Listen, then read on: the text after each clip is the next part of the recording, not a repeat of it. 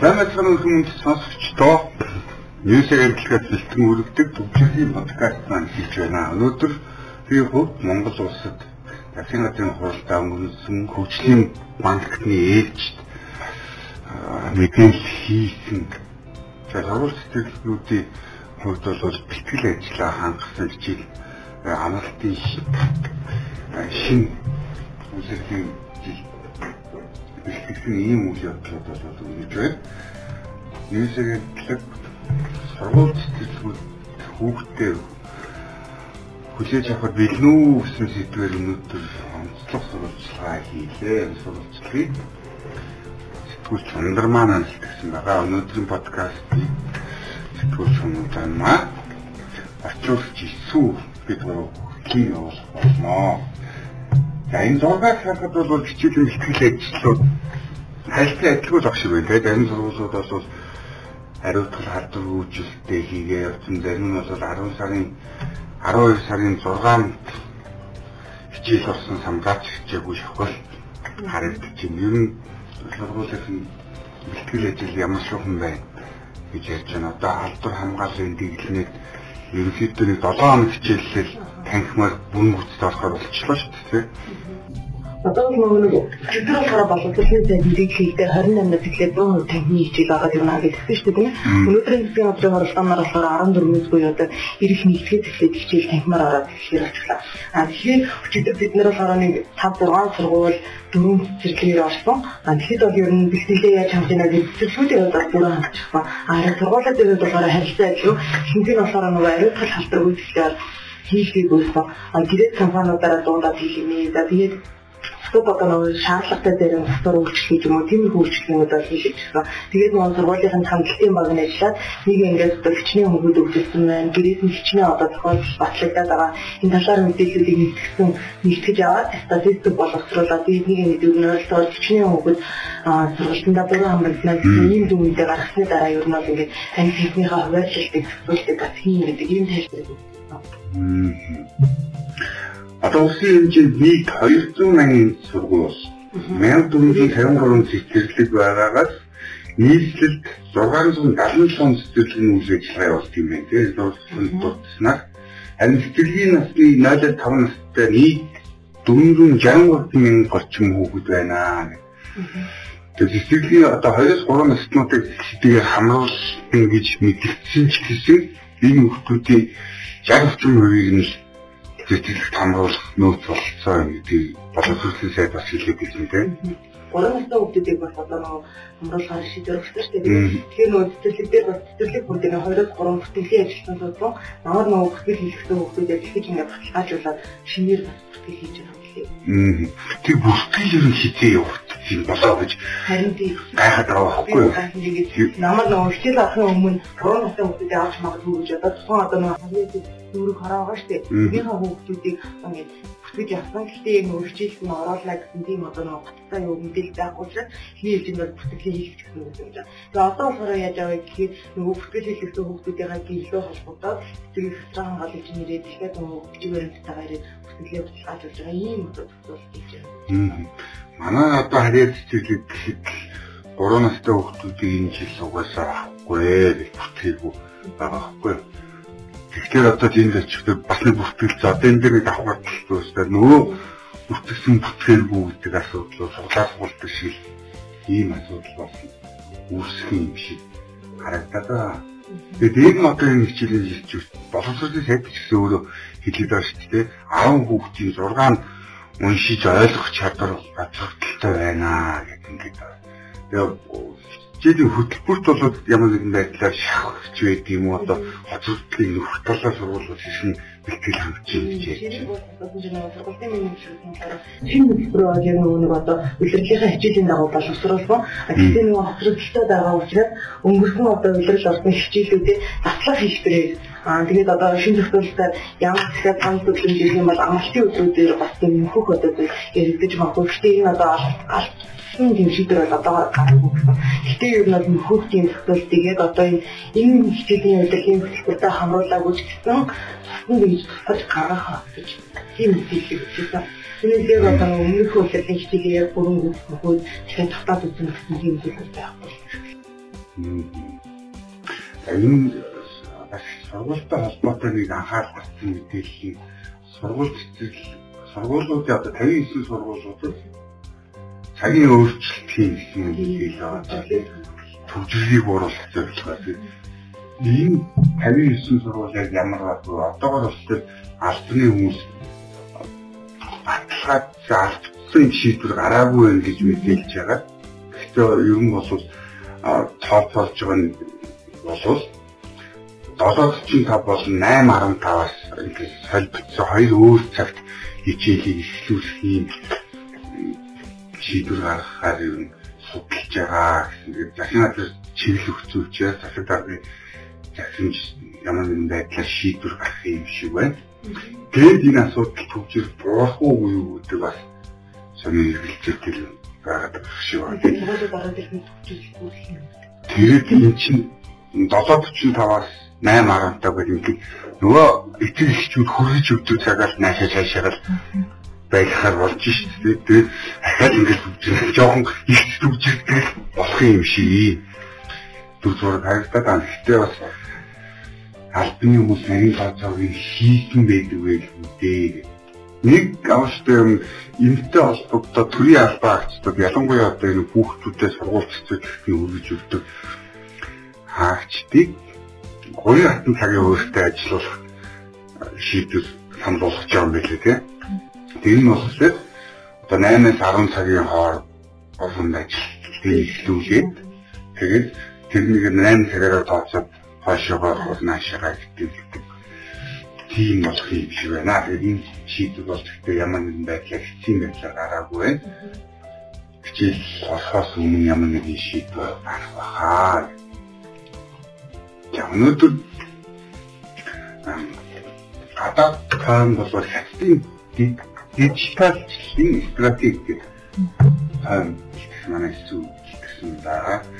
Хятад өвлийн олимпийн нээлтээр хүртэл харууллаа. Тийм одоо сэдвийн үрэнд бол бид нөгөө копи паст гэдэг бас улаан гэдэг технологийн улаан гэдэг бас гэдэг үеижсэн бол энэ технологийн салбарт бол бид шин томсогчоо тэргүүлэх томсогч болсон гэдгийг өвлийн олимпийн тайз засал нээлтээр бол Тийм. Шийдэмпийн хүртэл одоо 100 жил болоогүй тийм гайхалшигтай нээлтийг үзүүлнэ гэдсэн тийм. Тэгээ өвлөө элбийн нээлтийн үеэр хүнгээ хараад байхад бас нөгөө нэг улс улсын оюутнууд ингээд цугтаа хөтөлбөрөд алхах туршлаг алхалтын темпийг хүртэл ингээд лид дэлгэцээр ингээд гой зураг мөр үзүүлсэн тийм. Тэмүүт яг үүгээрээ юуг тайлбарлаад байна вэ гэхлээр хятад улс бол яг баруун болон Европын холбоог бодвол тийм дижитал соёлоор хамаагүй тийм төрөн хурдтай явж байгаа гэсэн. Нэлээ өндөр. Нэлээ өндөр болчихсон гэсэн. Аха. Яг за нэг 2010 оноос өмнөх үйл ажиллагаан дээр бол нэг гар утасны чипний хэрэглэж юм те. Компьютерийн тийм нарийн одоо яг хэрэгтэй тоног төхөөрөмжөдөг бол хүмүүс их Европын албан ёсыг авдаг байсан тийм үү. Тэнгүүд одоо яг орчин цаг болоод ирэнгүүт Европын холбоонд тийм яг дижитал янз бүрийн техник технологи бүтээхээс илүү хятад бүтээснээрээ хамаагүй хямд тусдаг. А дээрэс нь өргөн хэрэглээний холбоолж ингэж олон төрлөөр гардаг байгаа юм. Европын холбооны хувьд бол яг нөгөө нэг арай тийм анхлагч гэдэг үүднээс бол арай эргэлттэй байдал явдаг нь.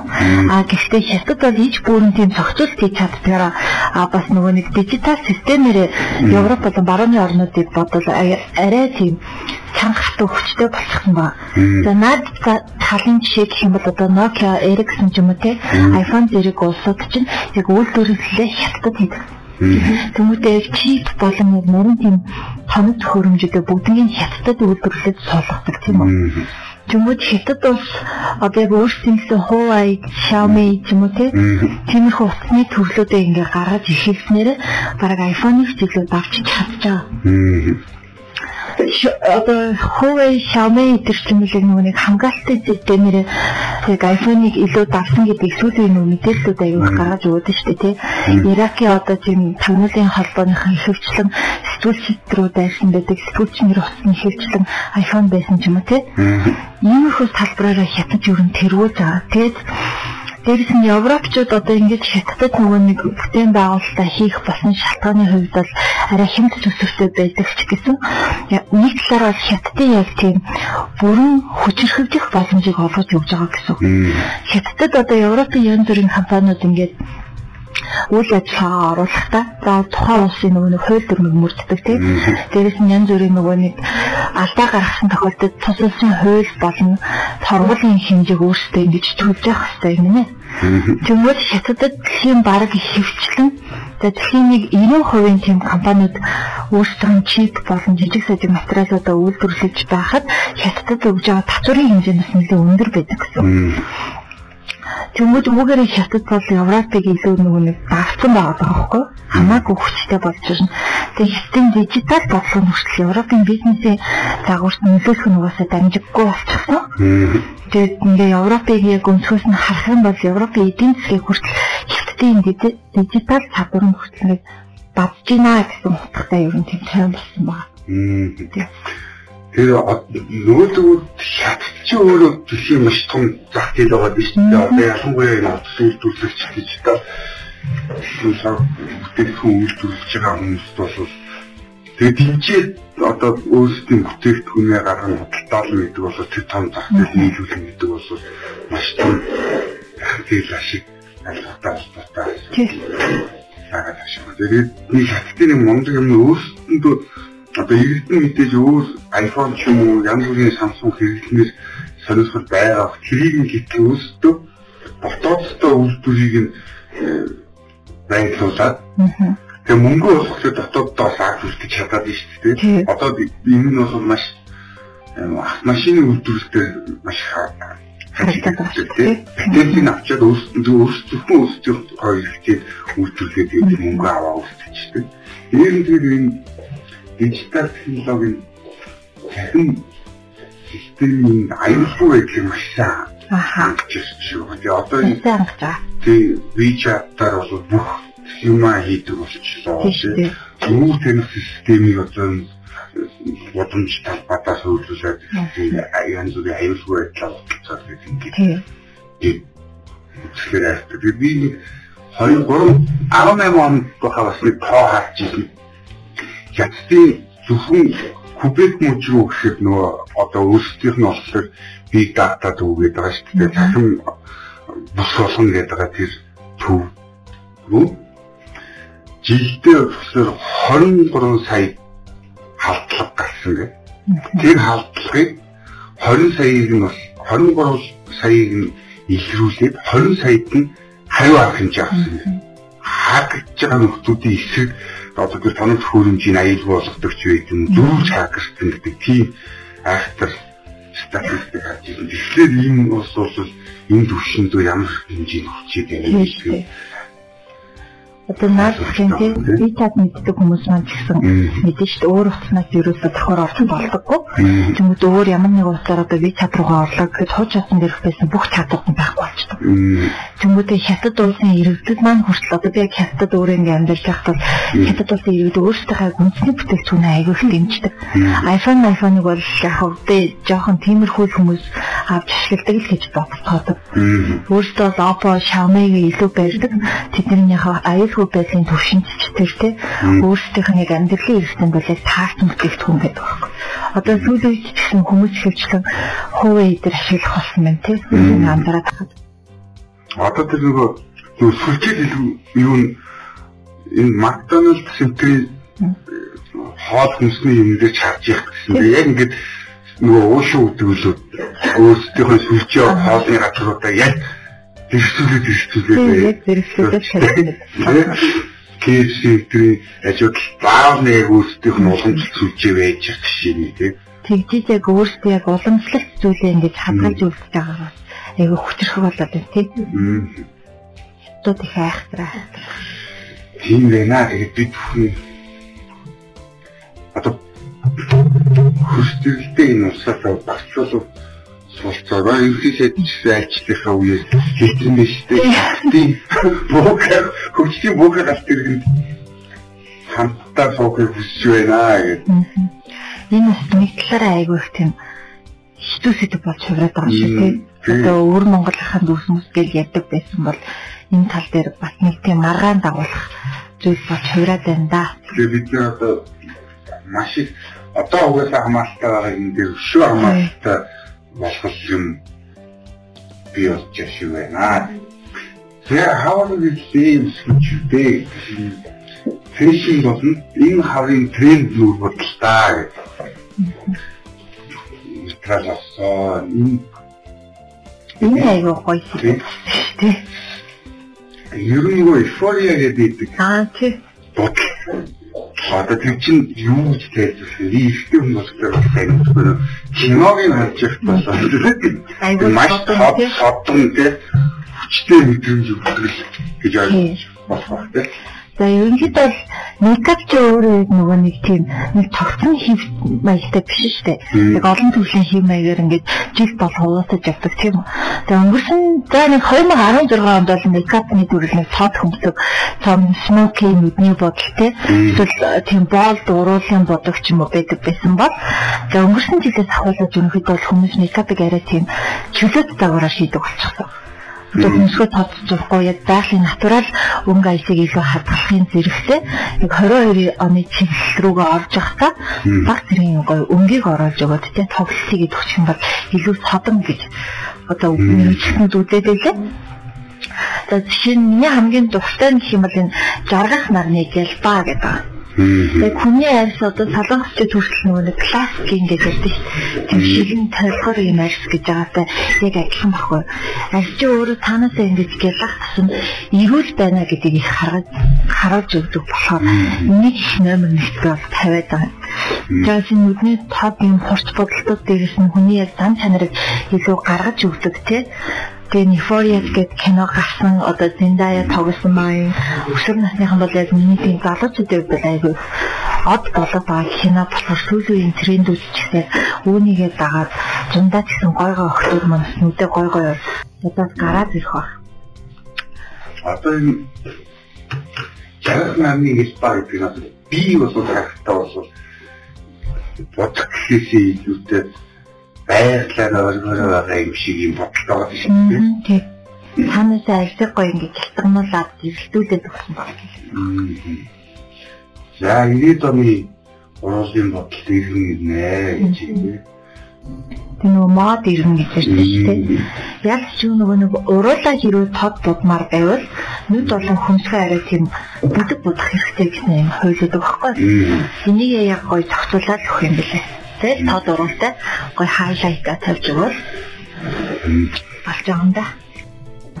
Тархахын үед одоо энэ жишээ нь гоо сайхны бүтээгдэхүүн бас юу юм худалдаанд нь маш том өөрчлөлт гарсан гэдэг хэлчихсэн тийм.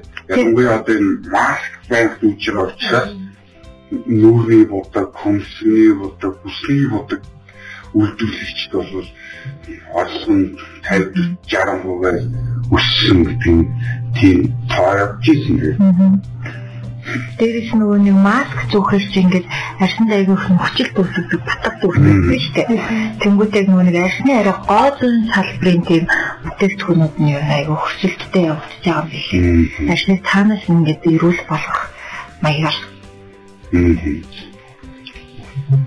Яг энэ гэрээндээ сайхан бодвол амьдрал ахгүй аяндаа сайхан бох маягтай байна гэж манай нэг юм шиг сэтгэлдээ илэрхийлжээ. Аавны тренинг болтой. Та тавны тийх хүсвэл news тэгээ мэн ороод фэшн энэ хаврын тренд нүүр бодол гэдэг хачаар хайгаад үзэж болох нэ.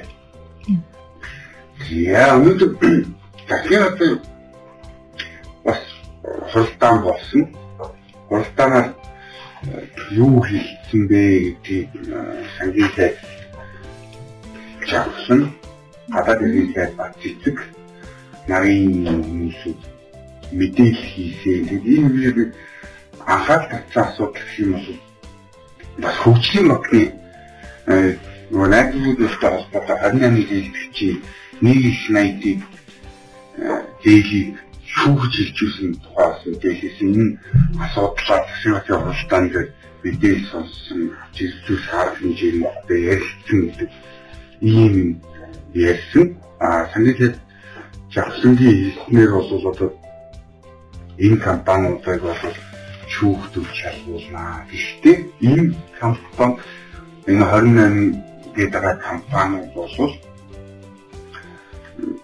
бүгдээр найдвар найдваргүй зээлдэх чинь биш ээ. මේ шалгалт автоноо энэ дийлэх төлөө явж байгаа компаниуд байгаа гэдгийг мэдгдсэн. За тэгээд ерөнхий сайдын экспорт хийсэн айлчлалын үр дүнд ямар ямар асуудал шийдвэрлэх вэ? Цаашид ямар арга хэмжээ авах вэ гэдэг талаараа мэдээлэл хийсэн. Тэгээд энэ мэдээллийг тавхан дэлгэрэнгүйгээр нь уншихыг хүсвэл засгийн газар сургууль цэцгэлгүүдийн сарын 14-ноос танхимаар хичээлнэ. Ачаар ороод хараарай. Нийс имэн онцсон бас нэг материал бол хөгжлийн банктай холбоотойгоор хөгжлийн банкны шүүх ба мааны зодон ажигтай нийлсэн. Зэн мата топ шимусаас нэр нөлөөх хүмүүс бол хилэмжил хийн асуудлыг хүндэхгүй байна. Тэрс догхгүй байна гэсэн нэг юм. Хөөж тавлаа хийхсэн яваад байгаа. Нь бол хийхмэдлийн байгууллагууд бол батлагдсан, нотлогдсон баримттай мэдээллийг нүүс агентлаг ялангуяа хэрэггүй уншигчтай хүрхийж тэгээ энэ үднээс бол энэ цахим дата нотээр ажиллаа энэ хүчний багтаа дээл авсан хүмүүсүүдээ хэн ямар компани яагаад авчваа гэдгийг хахаж ярьсан. Одоо энэ зүгээр нэрийн дуртай төрчөд маш их хүмүүс одоо олны дээл хүмүүс байгаад байгаа юм хаа тийм. Одоо улсын хөгжлийн шиг амар төвшин дээр юм гаан үеийг нөгөө тэрхүүн мэлчүүдийг гэдэг тийшүүдээс надаа анд одоо ундрам ундрмаа гэдэг банк дампуулсан гэдэг хүмүүс яж чинь. Бямцаг Амбатар Амбатар гэдэг хүн бол манай уншиж мэдж байгаа бох тийм нөгөө 60 саяын 60 тэрбумын бид хийх оролцсон тэр төлөвлөгөө боловсруулж исэн хүмүүс мэдээ. Тэгээ бас яг юм шиг асан биелэгт намтай бай би одоо шарвдаж амар төвшөлт баатарны нэг чинь дандаа том том компани бүгд орж ирэх. Ерөнхийдөө Батулгын ихнэр цолмолч гэсэн магнат дээл авсан байна. Тэгээд хамгийн сонирхолтой энэ материал ингэж юм аа. Ерөөсөө хөгжлийн маг байгуулаад бизнес шалтгааны нам дамсаад бизнес хийх нь бизнес хийх юм бүх зүйлтэн тогтолцоо бий болгож гэдгийг харуулаад юм. гэж бодогцоор энэ материалуудыг харахаар тийм. Энэ материалыг таахын илүү дэлгэрэнгүй уншихыг хүсвэл хөгжлийн мандны шүүл ба мааны зодон гэдэг ачаар ороод тэгээд энэ бүх нэрсийг нь бол хийх боломжгүй хин хідэн төгрөг ямар компаниар дамжуулж авсан бэ гэдэг талаас ингээд дата зүйлсэн байлтай материалыг нэрсмэнд хэлсэн. За гадаад ертөнцид өөр сонирхолтой үйл явдал ямар үйл явдал хийсэн.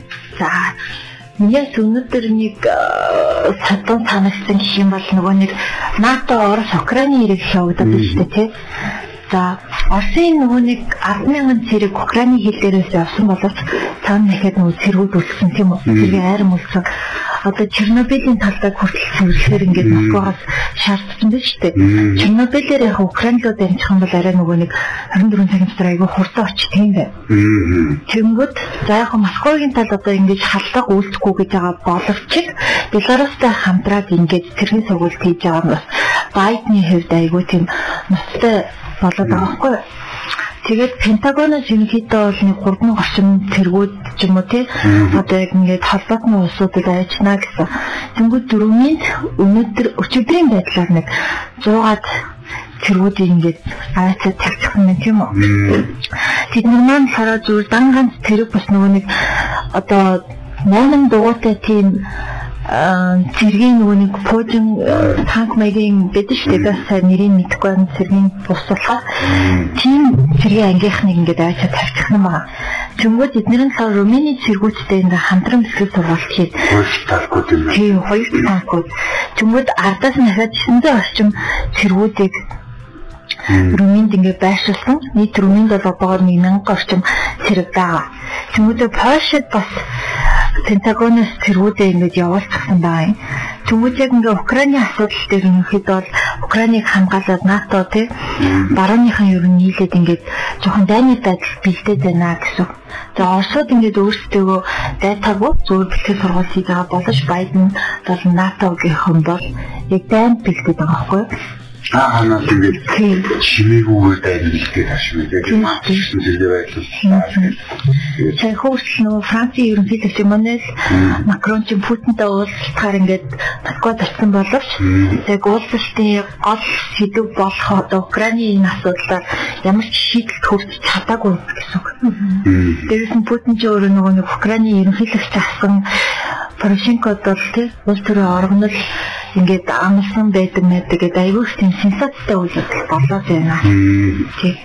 Хитэ манайг бол одоо дайн гарч магадгүй л болоод нэг өдөр хитэ Путин нэг товчлуур дээрээ гарах юм билээ тий. За Тэр дэлхийн ертөнцийн хаяг юм. тий. Энэ гадаад үйлдэл бас нэг сонирхолтой мэдээлэл байгаа. Дугнаа омикрон хөлбөр илэрсэн гэдэг.